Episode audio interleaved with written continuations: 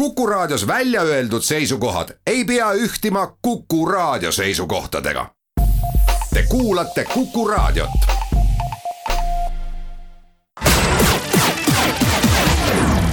nädala Tegija. ja tere nüüd ka Nädala Tegija stuudiost. nädala Tegija on sel korral Paides, me oleme Arvamusfestivalil ja Nädala Tegija külaliseks on seekord üks inimene, keda viimase poolaasta jooksul on väga palju intervjueeritud ja väga mitmetesse saadetesse kutsutud. ja mul on väga hea meel öelda tere tulemast Nädala Tegija saatesse Vabariigi Valitsuse Teadusnõukoja liige, Tartu Ülikooli statistikaprofessor Krista Fisser. tere! saatejuht on Ulla Lents olete te üldse kokku lugenud, kui palju intervjuusid te viimase pooleteise aasta jooksul andnud olete?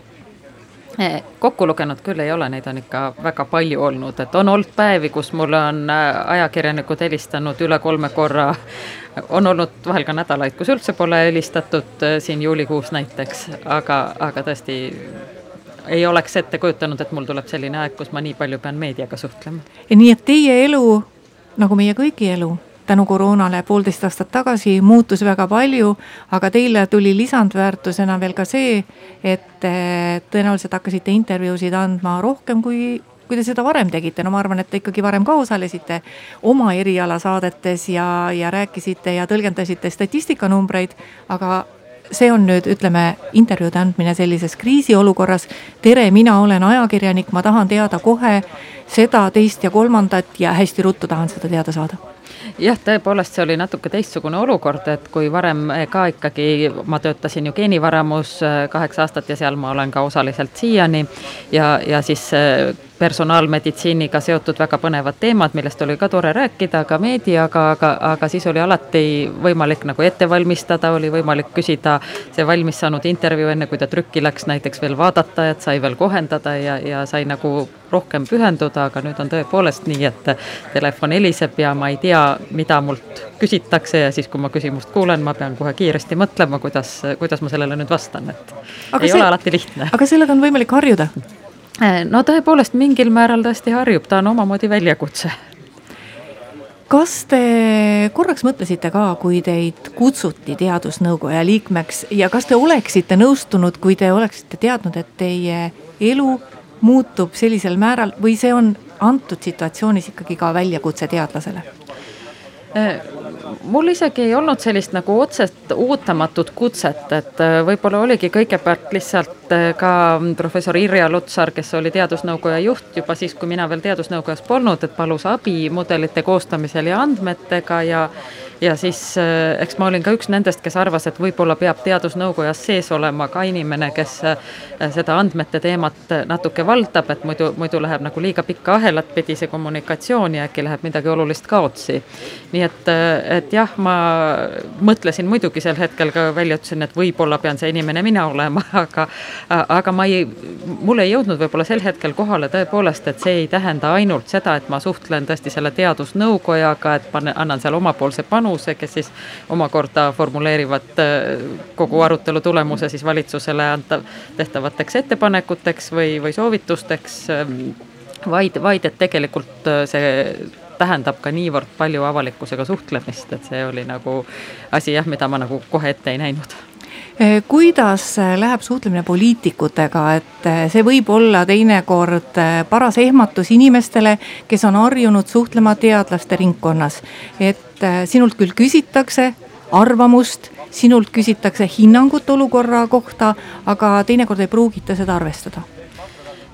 minu jaoks siiski ütleks, et pigem on see poliitikutega suhtlemine selline noh, positiivne kogemus selles suhtes, et ma olen nagu õppinud ka nagu neid mõistma, paremini mõistma, et ma ei, ma ei näe enam asju üldse nii mustvalgelt, et väga lihtne on meedia valgusel anda hin-, hinnanguid, et mulle see poliitik meeldib ja see poliitik ei meeldi. aga, aga noh, tegelikult noh, kõik nad on inimesed ja suur, vähemalt suurem osa neist, kellega mina olen suhelnud, võimalik, et kõik isegi tegelikult tõsiselt muretsevad Eestimaa tuleviku pärast ja, ja noh, lihtsalt võib-olla on küsimus viisides, et mida täpselt tuleks teha ja aga, aga seda nad tõesti ka hoolivad rahvast ja ka selles koroonakriisis, et me ikkagi katsume koos lahendusi leida, eks me pidime vastastikku õppima seda omavahelist, seda suhtlust ja noh, ma loomulikult saan aru, et ega, ega ma ei ootagi, et poliitik teeb seda, mida mina arvan, et poliitik võiks teha, et, et ma tegelikult see tekitabki nagu liiga suure vastutuse tunde, et kui mul vahel oligi tunne, et, et nüüd nad ootavad minult vastust ja siis nad äkki teevadki nii, nagu ütlen ja siis see ongi nagu minu vastutus, et see on nagu. et, et tegelikult ma väga just loodangi, et, et poliitikud nagu kuulavad teadlaste arvamust ja teadlase, teadlaste mõtteid ja, ja olukorra hinnanguid, aga samas, et neil on ikka mujalt ka infot ja, ja no tulebki siin kriisis ju mõelda paljudele erinevatele tahkudele, et, et üks asi on, mis on viiruse tõkestamisel efektiivne aga samas kõik need meetmed ju mõjuvad, mõjutavad meie elu mitmel erineval moel ja, ja kõiki neid plusse ja miinuseid tuleks hästi kaaluda. no kui, kui palju te tunnetate teinekord sellist avalikkuse pahameelt, et vot inimesed ju tahavad seada eh, häid prognoose mm. -hmm. et nagu tänaselgi päeval, et eh, noh, päike paistab, ilm on ilus, me ajame siin kenasti juttu ja noh, tundub, et eh, elu ei olegi muutunud. ja, ja, ja kui nüüd tuleb teadlane ja ütleb, et aga meie numbrid näitavad, et meil ei lähe paremaks kohe-kohe läheb palju hullemaks, siis eh, noh, siis on hästi palju kuulda selliseid hääli, et noh, et eh, mis te nagu pahandate ja mis te teete meie tuhu, tuju pahaks oma halbade prognoosidega, et ei ole seda vaja, et kas te puutute sellise suhtumisega ka kokku? Eks ma ikka olen kokku puutunud ja olen kuulnud etteheidet, et ma tegelen hirmutamisega, mis mind jah, no kui matemaatikut teeb ikkagi natuke nõutuks, sest, sest ma ju noh, vaatan lihtsalt neid arve, eks ju, et noh, nendele arvudele jah, võime mõelda sügavalt, mida nad tähendavad ja mida täpselt ja kuidas mõõdetakse, aga siiski see, et nakatumine, kui nakatumine läheb üles, siis paraka, paratamatult lähevad üles ka nende arvud, kes lähevad haiglasse ja, ja tulevad ka surmajuhtumid ja noh, see on nagu selline matemaatiline loogika ja ma üritan seda lahti seletada noh, nii, nii otse ja neutraalselt kui võimalik, aga siiski kõlab juba see fakt hirmutamisena, et, et tõepoolest need arvud on praegu tõusutrendil ja, ja kui midagi ei võeta ette, siis, siis nad jäävad niimoodi kasvama, et ja no inimesed tunnevad teid juba ilmselt päris palju tänu sellele, et te annate nii palju intervjuusid ja, ja, ja nii palju küsitakse teie käest. kas äh, on tulnud ette ka olukordi, kus äh, inimene arvabki, et teie olete ka arst? Eh, neid olukordi tegelikult tuli isegi ette enne seda mm, teadusnõukojaga liitumist, enne koroonat, kui ma töötasin geenivaramus ja me tegelesime seal personaalmeditsiini jaoks eh, ka neid mudelite ja erinevate riskihinnangute väljatöötamisega ja ja, ja no ka siis ma esinesin inimestele ja, ja kuna ma rääkisin, minu jutt oli väga ka seotud nagu meditsiini ja epidemioloogiaga, loomulikult siis leidus vahel mõni inimene, kes tuli pärast loengut mulle oma terviseprobleemidest rääkima ja nõu küsima. aga jah, paraku pidin vabandama, et, et kahjuks ta peab ikkagi selle jutuga, selle probleemiga minema arsti juurde, et kas see on äh, mujal riikides tavaline, et noh, eks neid vorme, kuidas valitsuste spetsialistide poolt nõustatakse, on ju erinevates riikides erinevaid. aga et kui palju äh, ka matemaatikuid ja statistikuid kaasatakse sellesse nõuandvasse organisse, et kas teised teevad ka nii? eks ikka tehakse mujal ka, ma arvan, et erinevates riikides on võib-olla natuke erinevad need kogemused, aga no mina olen palju jälginud näiteks Ühendkuningriigi Äh, seal teadusnõukoda ja kõik, et eks neil ka muidugi nad on väga suure, see, sea-, suure rünnaku all tihti olnud ja, ja noh, eks kõik, kõik on ka natuke võib-olla vigu teinud, aga ongi väga raske nagu mingis hetkes seda olukorda päris adekvaatselt hinnata, et kui suureks need arvud täpselt ikka võivad nüüd kasvada? Kui tõsiselt peame reageerima, et need ei ole lihtsad küsimused, aga ka matemaatikud on seal juures olnud ja, ja pildil igatahes ka just näiteks Inglismaal mõni ka, keda ma isiklikult tunnen, on ühte lugu kirjutab jälle sel teemal kui palju te peate endale, lugedes ka välisuudiseid ja prognoose, just nimelt prognoose, kui palju te peate endale nagu ka küsimusi esitama, et et oi, et see prognoos on nii naljakas, et kas siin on nagu ka matemaatikat arvesse võetud? kui palju te selliseid naljakaid tulevikuvisioone näete?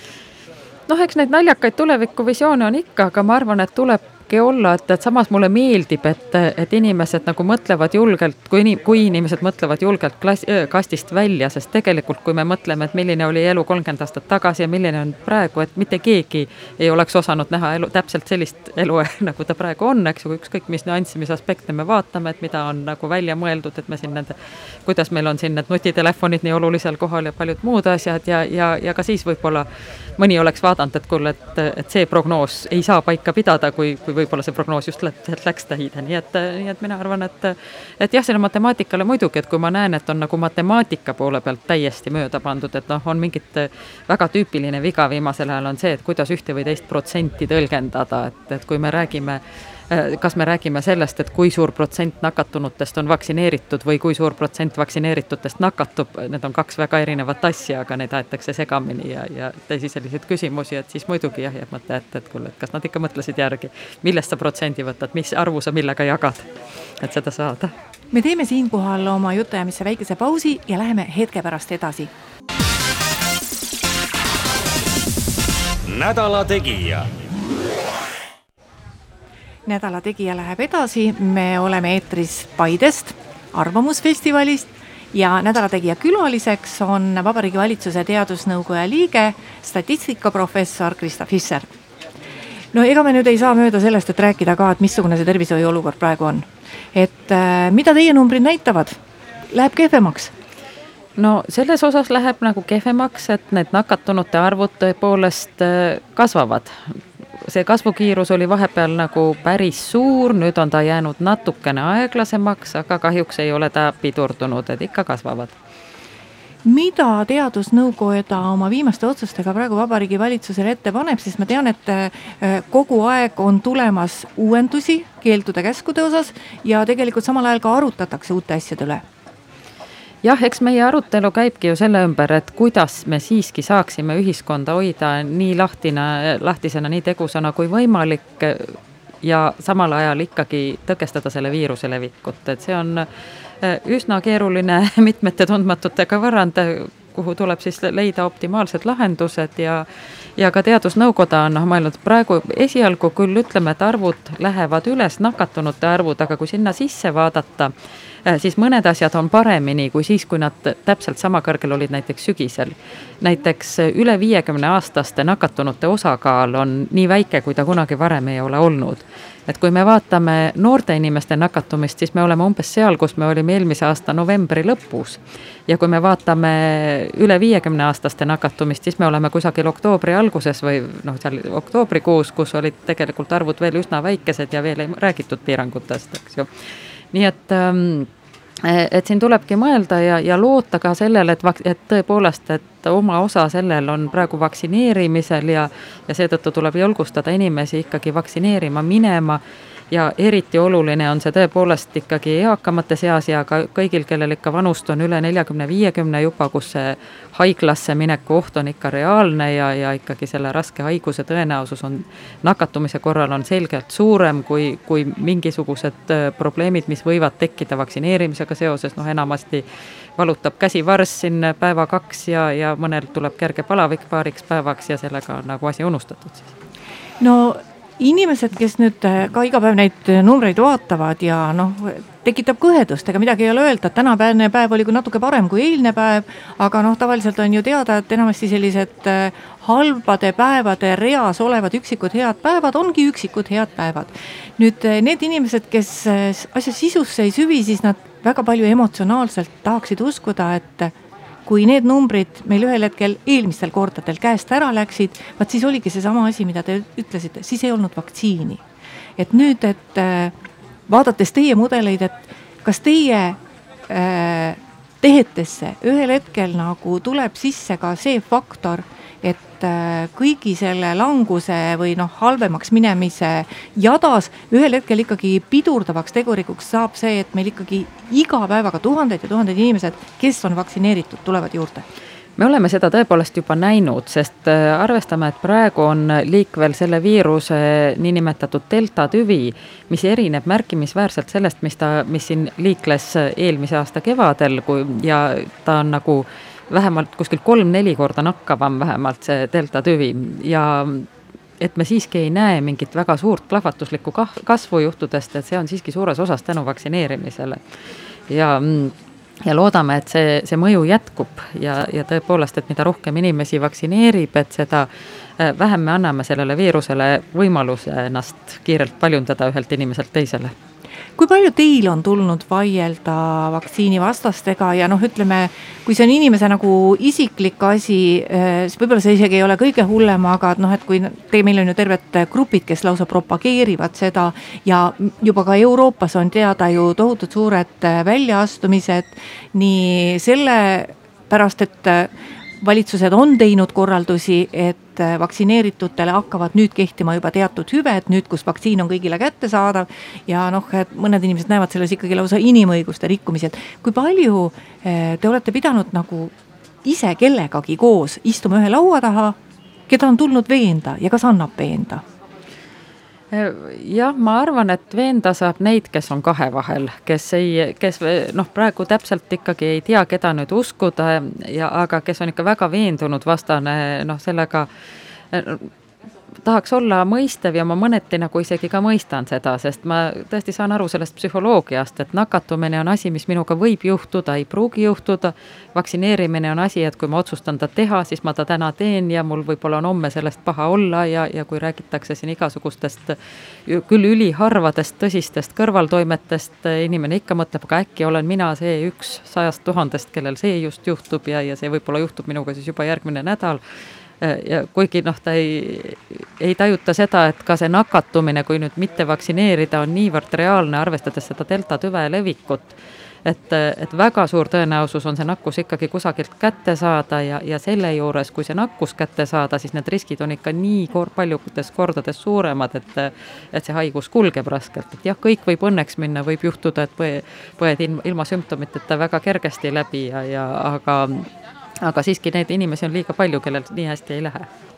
Et ma olen kuulnud ka väidet, et äh, kui sa ei ole vaktsineeritud, see jõuab ka, ka igasuguseid statistilisi andmeid analüüsides, et, et tõenäosus, et see jõuab sinuni, on praegusel ajahetkel, arvestades seda tüve, väga suur.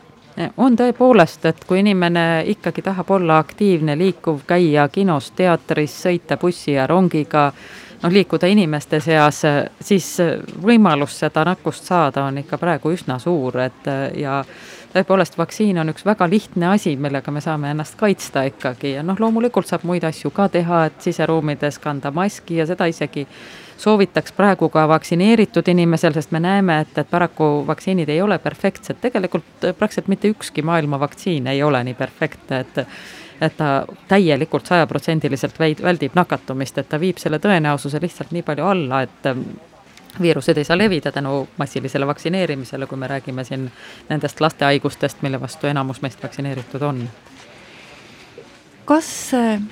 maailmas on välja mõeldud äh, mingisuguseid äh, nippe, mis teevad inimestele otsustamise lihtsamaks, et noh Eesti puhul on ju teada, et ega meil ei ole ja meil tõesti ei ole täiskasvanud inimese massivaktsineerimise kogemust, sest no meil on ju teada, et inimesed ka gripi vastu vaktsineerivad suhteliselt vähe ja ega seda ei ole väga populariseeritud ka.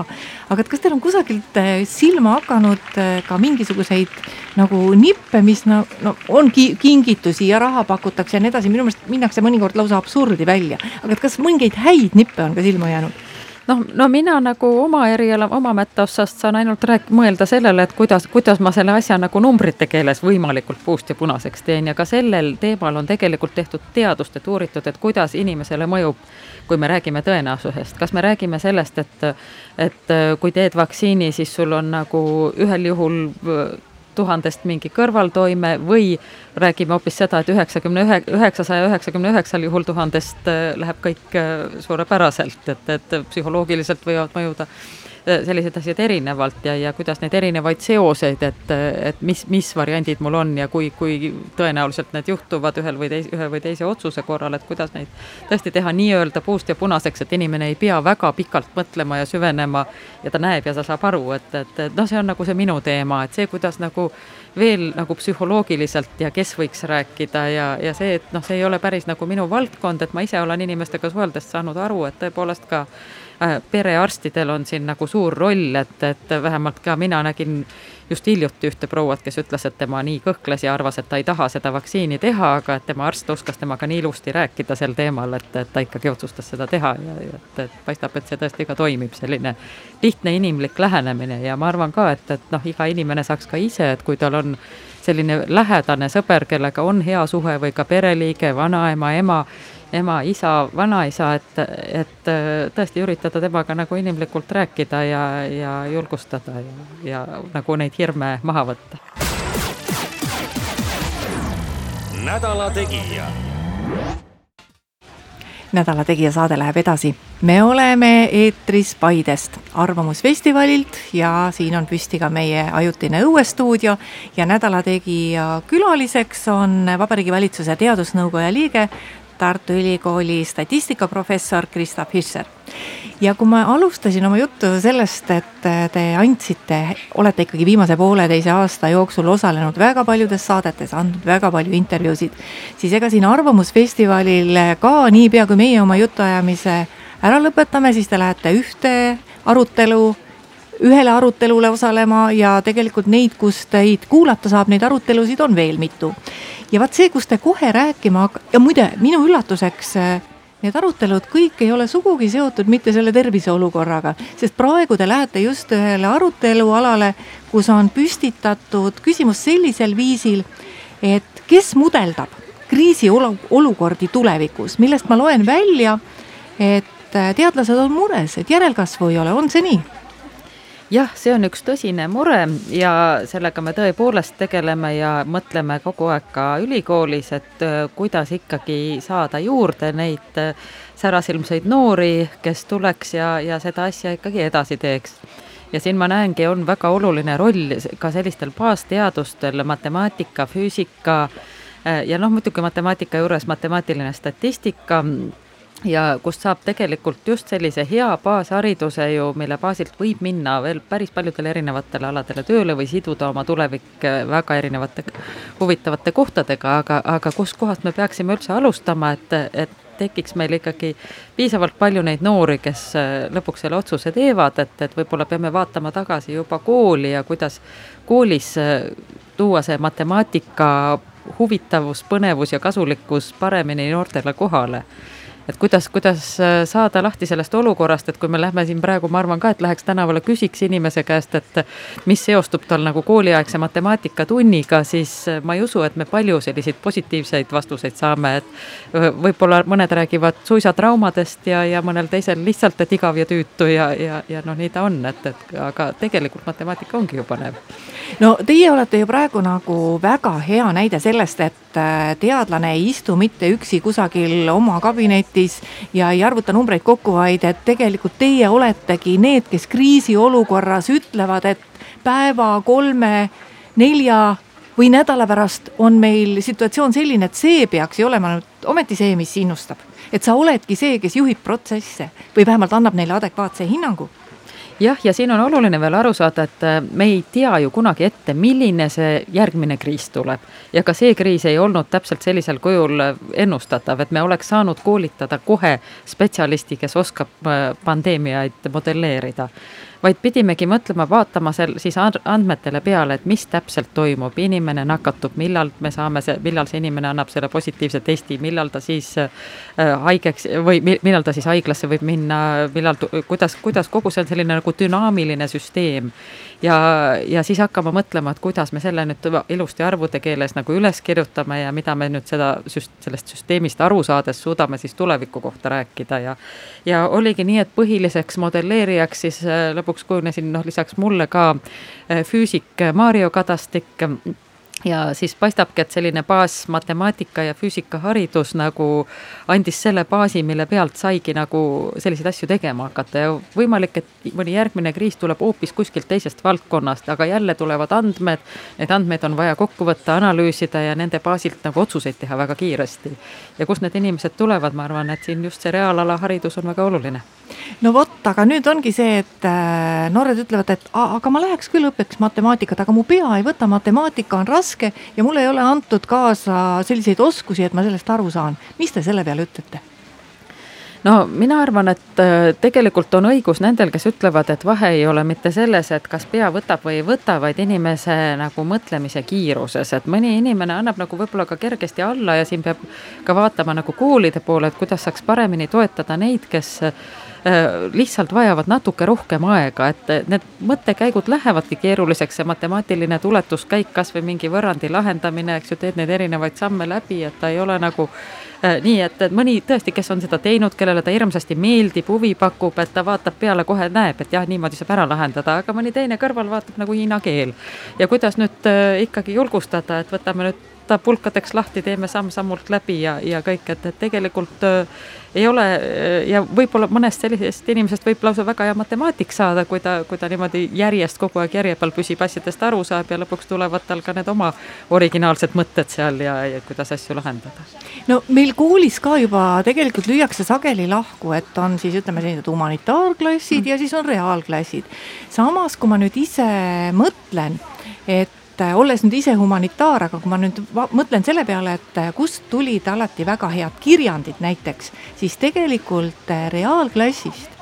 tulid sageli ka väga head kirjandid noh, mida ma panen ka selle arvele, et kui inimene hästi loogiliselt mõtleb, et siis ta suudab kirjutada ka täpselt niimoodi, nagu kirja, kirjandusõpetaja ette näeb ja mida ta heaks kiidab. et see teema on loogiliselt üles ehitatud, et selles mõttes nagu ei peaks ju seda vahet tõmbama mina arvan ka, et see ei vahe, vahe ei peaks olema nii selge ja, ja tõepoolest, et on näha, et matemaatikud võivad olla mõnikord väga andekad keelte peale, äh, võivad äh, jah, mingeid päris mitmeid asju nagu ka jagada hästi, et ja, ja samuti ka need niinimetatud humanitaarid, eks ju, et, et ka nende puhul, et ei saa öelda, et nemad nüüd loogiliselt mõelda ei oskaks, et oskavad küll ja, ja samuti, nii et, nii et tegelikult ei peaks nii suurt vahet tegema tõepoolest ja vaid lihtsalt mõtlema, et kuidas me saaksime anda sellise võimalikult hea hariduse võimalikult paljudele nii humanitaaria kui reaalia vallast, et, et tõesti kõik saaksid oma potentsiaali nagu maksimaalselt rakendada eh, rääkides nüüd eh, inimese oskustest, et mis on veel, mis motiveerib tudengit pärast valima ka teadust? No teadus on minu jaoks äh, tore sellepärast, et, et hästi palju on seal teaduses ju ikkagi vabadust, et mul ei ole mingeid etteantud raame, et kuidas ma pean tegema ja mida ma pean tegema ja mis küsimust täpselt küsima, et, et tegelikult, et et lihtsalt, kui leiad selle niši, et kus sa näed, et tegelikult siin ei ole üldsegi teada veel kõik kuidas sa täpselt neid asju pead tegema ja kuidas sa kõige paremini saad neid asju lahendada ja ja üritadki pea tööle panna, mõelda, neid lahendusi pakkuda, siin on vaja omajagu ka sellist loomingulisust vahel, et, et ma saan aru, et teaduse ja kunsti vahel on ka päris palju paralleele, et et tõesti mõtled nagu natuke teisiti, kui kogu aeg kõik on mõelnud, et, et siis jõuab kaugele ja, ja, ja noh, kellele see tundub põnev ja tore, ma arvan, et neil julgustaks küll teaduse poole vaatama, et ega me ei saagi öelda, et kõik inimesed peaksid tahtma ja saama teadla-, teadlasteks, aga, aga just selline noh, minu jaoks on teadus kogu aeg väga põnev olnud, et, et ma ei tea nendele küsimustele vastuseid, mida ma küsin ja, ja hakkan uurima ja ja nagu, nagu lahendan nagu mingi kriminaalromaan loed, et sa ei tea, mis lõpuks saab, aga, aga ka see teaduse tegemine on natuke võrreldav sellega et kõige aluseks on ikkagi uudishimu on muidugi uudishimu, jah, tahaks, tahaks teada, tahaks maailmast aru saada, tahaks teada, mis seal äh, nende arvude taga on, mida me näeme. no samas meie lapsed on ju tegelikult praegu ikkagi väga targad. on. et äh, kui ambitsioonikad nad samas on? Äh, see on hea küsimus, ma julgustaks olema ambitsioonikas, ma arvan, et tegelikult tänapäeva lapsed on ambitsioonikamad, kui meie omal ajal oskasime olla, eriti kui mõtleme veel nõukaajast välja kasvanud laste peale alguses ja tõesti tuleb julgeda unistada suurelt, et, et kui ei unista, siis, siis ei olegi ju millegi suunas liikuda. kui palju Eh, tänapäeva kõrgkool ikkagi seda unistust eh, tõestab, et noh, me enamasti, me ajakirjanduses kirjutame asjadest siis, kui on pahasti. Ja no kui me kirjutame teadusest ja miks, siis me kirjutame eelkõige teaduse rahastusest selle poole pealt, mis on pahasti. ja siis jääbki inimestele mulje, et kõik ongi pahasti, aga kõik ei ole ju pahasti. Asjad lähevad ju tegelikult kogu aeg paremuse suunas, eks me ka ju kõrgkoolides üritame ju kogu aeg teha paremini, et, et eks noh, tuleb vahel analüüsida, jah, mõelda, et mis on pahasti, mitte sellepärast, et, et jääda seda nüüd kiruma ja kurtma, vaid just, et kuidas me saame nüüd asju veel paremini teha. Ja, ja mina arvan küll, et ka kõrgharidus liigub edasi. eks siin, siin on ka dilemmad, et tõepoolest, et see haridus on ju nagu selline maja ehitamine, et me peame kõigepealt laduma vundamendi ja õpetama igasuguseid baasaineid ja selle baasaine õpetamise juures on väga raske vahel näidata, et miks sul seda nüüd päris seal lõpus vaja läheb, et ütleme matemaatikaga ma jah, teeme siin, üritame siin kriisi kasvõi modelleerida ja selliseid asju teha, aga samas, kui me räägime sellisest puhtast algebrast, matemaatilisest analüüsist, ta on selline hästi abstraktne matemaatika, sellised tuletuskäigud ja ja seal ei ole kohe seda reaalse elu näidet kõrvale võtta, et vot, vot nii, see, see valem tuleb siin kasuks, et, et just, et kuidas, kuidas seda ka niimoodi kaasakiskuvalt õpetada, et et nagu inimestel ei läheks see valgus sealt tunneli lõpust kaduma, et kus kohal või mis vanuses me selle vea siis teeme, et äh, ühelt poolt on muidugi loomulikult äh, kool, et äh, kui on säravaid õpetajaid, siis on täitsa selge see, et see särav õpetaja suudab silmad särama panna ja suudab innustada inimesed, me ju, me ju teame, et kui, mis, kui suur mõju on mentoril. et seda on igas vanuses, aga kas praegu saab ka niimoodi välja tulla, et me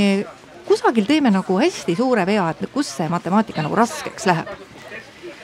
nojah, ma arvan küll, et siin tuleb nagu päris kooli poole ja võib-olla isegi ka põhikooli poole vaadata, et, et noh, ülikool on juba nagunii selline niši asi, et kõik ei tule ülikooli ja kõik ei tule reaalaladele, aga ja noh, ka siin saame, saame muidugi mõelda, et kuidas, kuidas paremini õpetada, aga aga ka koolides, et kuidas just ikkagi lastes seda huvi äratada, neid silmi särama panna, et, et kuidas aru saada, et see on lahe, et, et ma arvan, et see ei ole ainult matemaatika probleem, vaid võib-olla ka natukene loodusteaduste ja loodus, teiste loodusteaduste ja ka loodusõpetuse ja kõik, et kuidas, kuidas veel noh, et, et ta tõesti oleks nagu tore, et lapsed ootavad seda tundi ja, ja näevad, et see on lahe, et mitte ainult ei ole hirm saada halba hinnet, sest ma ei oska ja ma ei jõua seda ülesannet lahendatud, et see mis selle tunniga kaasas käib, et, et noh, eks siin on mõttekohti palju ja pole väga lihtsat lahendust, et teeme nüüd nii ja kõik saab kohe ilusti, aga, aga jah, kutsukski kõiki kaasa mõtlema muidugi. aga äh, kuidas teie endaga oli? kas matemaatika oli kohe algusest peale esimene valik äh,? ei olnud, minul oli alguses esimene valik bioloogia, mina kuskil, ma ei tea, seitsmeaastasest peale mõtlesin, et minust saab bioloog ja et mulle meeldisid, mõtlesin veel, mind huvitab ornitoloogia linnud, mulle siiani meeldib, aga siis ma kuskil jah, keskkooli gümnaasiumi lõpus läksin ülikooli lahtiste uste päevadele ja siis rääkis seal äh,